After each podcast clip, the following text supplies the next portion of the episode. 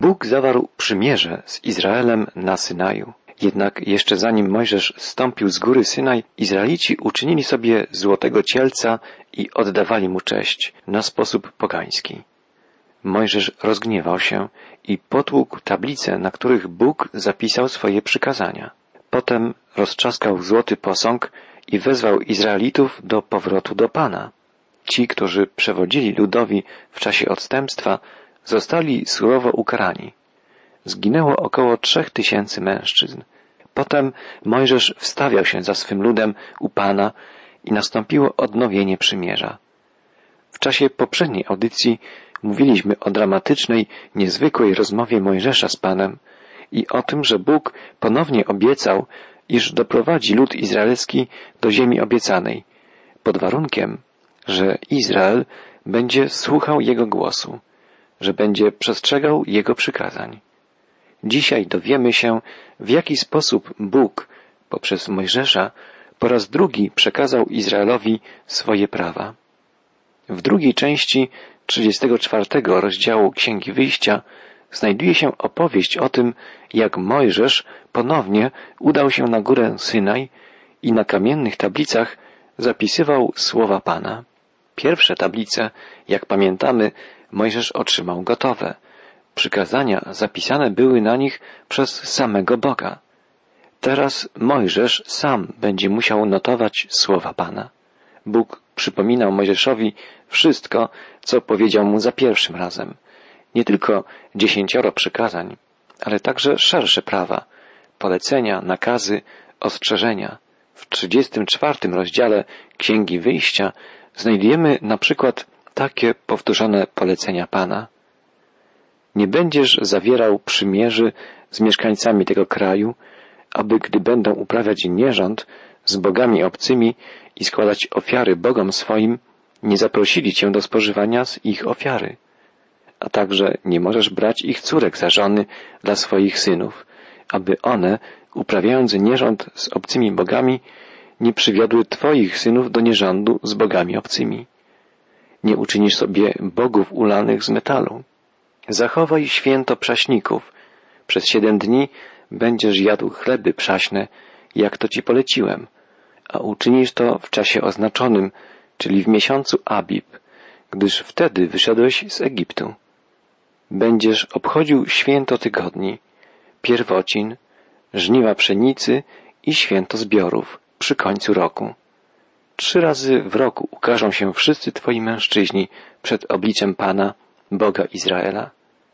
Widzimy, że Bóg przypomina Mojżeszowi te polecenia, które przekazał mu już za pierwszym razem. Bóg powtarza na przykład polecenie o obowiązku stawiania się wszystkich mężczyzn przed jego obliczem trzy razy w roku. Prawo to będzie obowiązywać, gdy w Jerozolimie zostanie zbudowana pierwsza świątynia. Bóg zapowiada, że Izrael będzie kiedyś zamieszkiwał w ziemi obiecanej. Czytamy dalej. Ja bowiem wypędzę narody sprzed Ciebie i rozszerzę Twoje granice i nikt nie będzie napadał na Twój kraj, gdy Ty trzy razy w roku pójdziesz, aby pokazać się przed obliczem Pana, Boga Twego.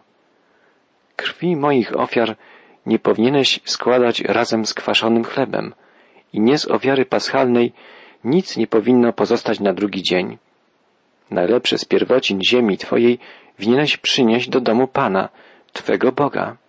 Pierwociny plonów, czyli pierwsze płody ziemi, symbolizują wszystko, co pierwsze. Bóg powinien mieć zawsze pierwszeństwo w życiu Izraelitów. Tak powinno być też w życiu każdego z nas. Pamiętajmy, że apostoł Paweł napisał o Jezusie w pierwszym liście do Koryntian, iż został on wzbudzony z martwych i jest pierwociną tych, którzy zasnęli. Zmartwychwstanie Chrystusa to początek nowego stworzenia. Żyjąc z Chrystusem, żyjemy nadzieją powstania z martwych, nadzieją wiecznego życia.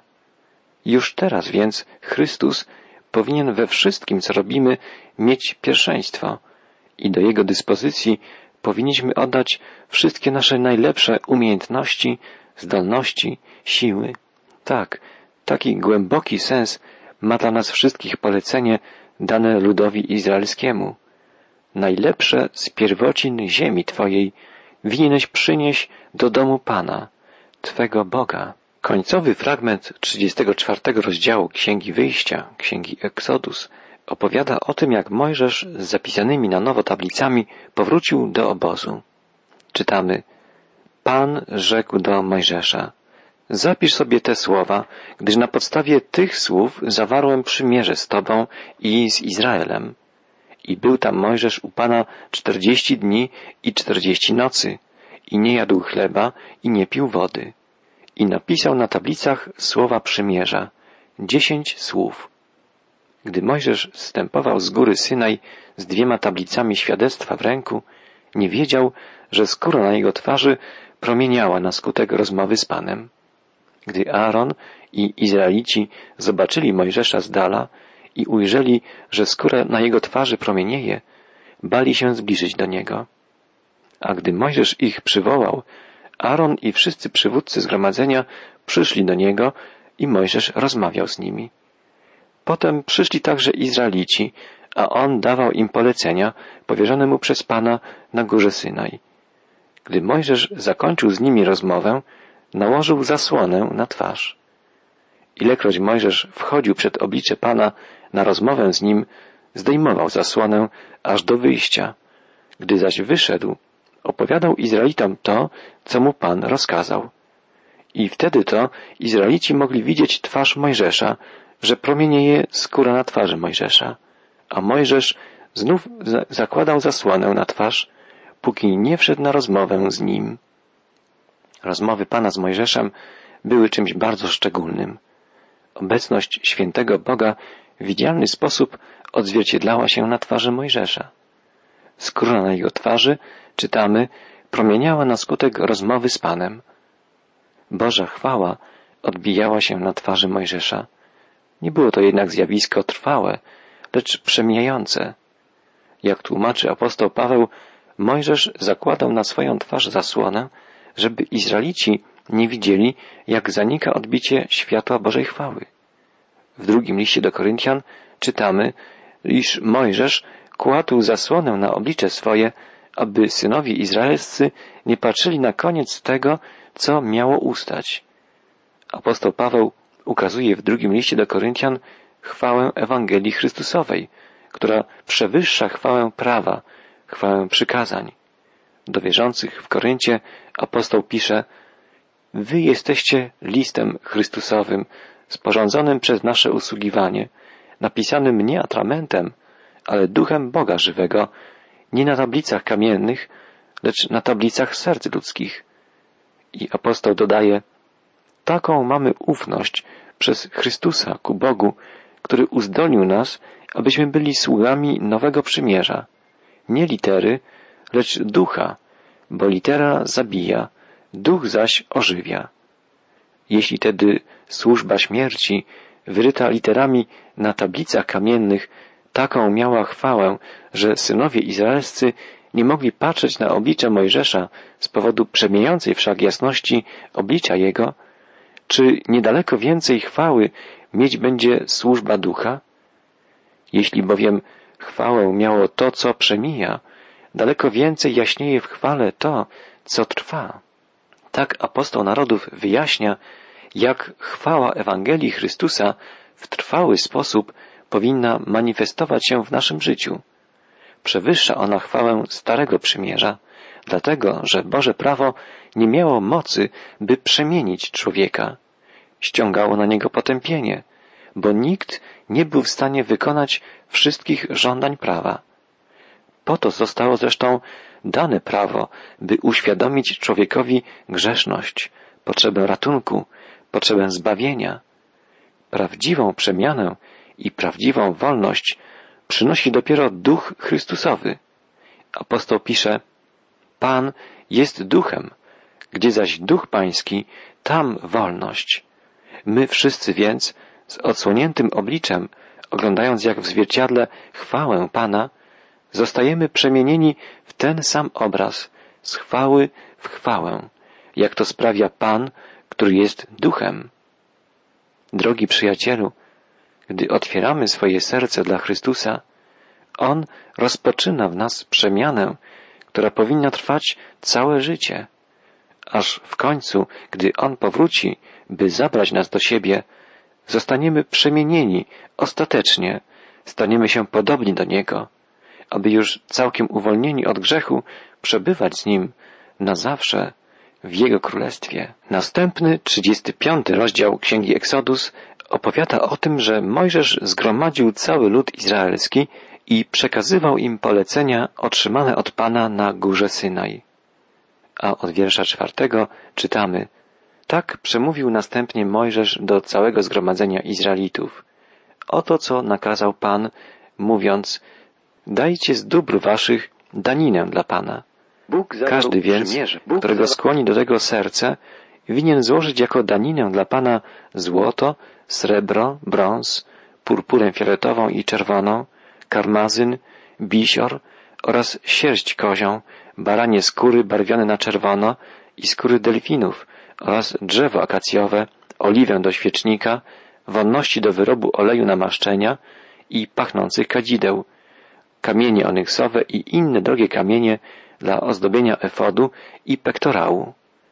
Izraelici przynieść mieli materiały i kosztowności potrzebne do zbudowania przybytku, namiotu spotkania, a także do wykonania szat kapłańskich. Może pojawić się pytanie, skąd lud izraelski miał tyle kosztowności? Musimy sobie przypomnieć dzień, a właściwie noc, noc wyjścia Izraela z Egiptu.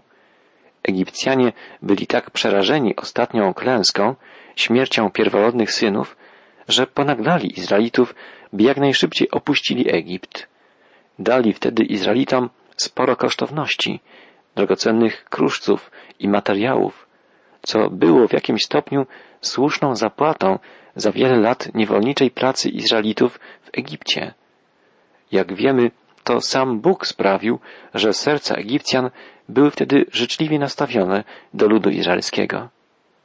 Teraz więc Izraelici mogli złożyć w darze na budowę namiotu spotkania kosztowności, które zabrali ze sobą wychodząc z Egiptu. Czytamy, że dary mieli składać ci, których skłoni do tego serce. Nie było to więc obowiązkowe. Mojżesz niczego nie zażądał, niczego nie nakazywał. Powiedział tylko, każdy, którego skłoni do tego serce, winien złożyć daninę dla Pana. Podobna zasada obowiązuje i dzisiaj. Dary na sprawy Boże powinny zawsze wypływać z pragnienia serca. Powinny być składane szczerze, ochotnie, bo jak czytamy w Nowym Testamencie, tylko ochotnego dawcę miłuje Bóg. Spójrzmy, jaka była reakcja ludu izraelskiego. Od wiersza dwudziestego czytamy. Potem całe zgromadzenie Izraelitów odeszło od Mojżesza. Wnet jednak wszyscy, których skłoniło serce i duch ochoczy, przynieśli daninę dla Pana na budowę namiotu spotkania i na wszelką służbę w nim oraz na święte szaty. Przyszli mężczyźni i kobiety, wszyscy ochoczego serca, przynosząc spinki, kolczyki, pierścienie, naszyjniki i wszelkie przedmioty ze złota.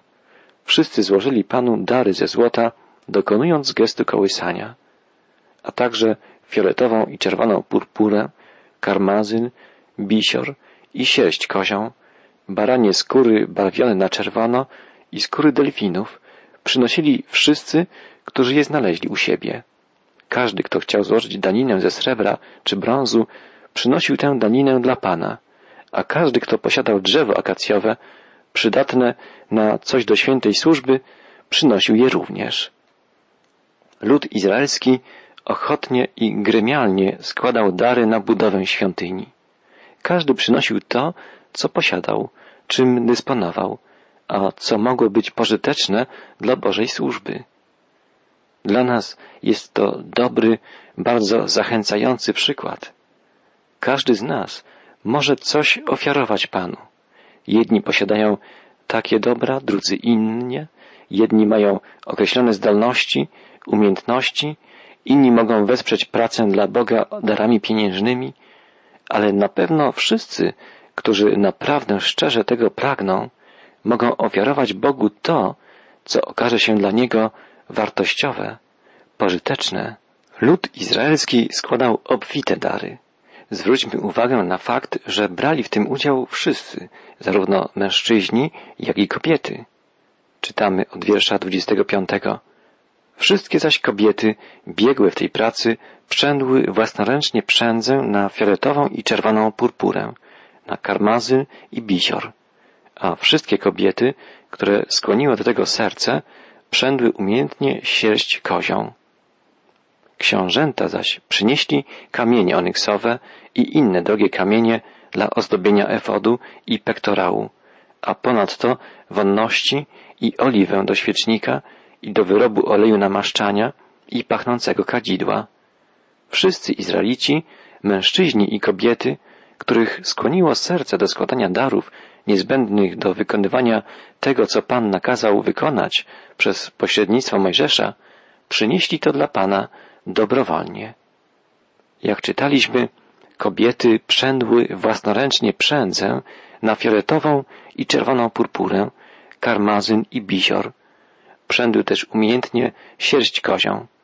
Były to prace związane z wykonaniem zasłon wewnątrz przybytku, a także z wykonaniem zewnętrznego okrycia namiotu. Była to ogromna, ręcznie wykonywana praca. Praca wymagająca wytrwałości, cierpliwości i staranności. Kobiety nie mogły wykonywać żadnych czynności związanych ze służbą w przybytku, tak jak czynili to kapłani i lewici. Ale Bóg miał dla kobiet szczególne zadanie przygotowanie wystroju wnętrza i okrycia namiotu spotkania, wystroju tej niezwykłej świątyni, w której Bóg spotykał się z człowiekiem. Możemy powiedzieć, że dzisiaj jest podobnie. Kobiety mają zadanie dbania o ubiór i wygląd ludu Bożego, pośród którego mieszka Bóg. Nie dotyczy to tylko wyglądu samych kobiet, ale wyglądu całej rodziny. Rozpoczyna się to już od dzieci. Od mamy zależy to, czy wpoi w nietroskę o staranne, schludne ubieranie się. Od mamy zależy ubiór i wygląd zewnętrzny młodzieży, a w końcu matka określa też, jak wygląda ojciec.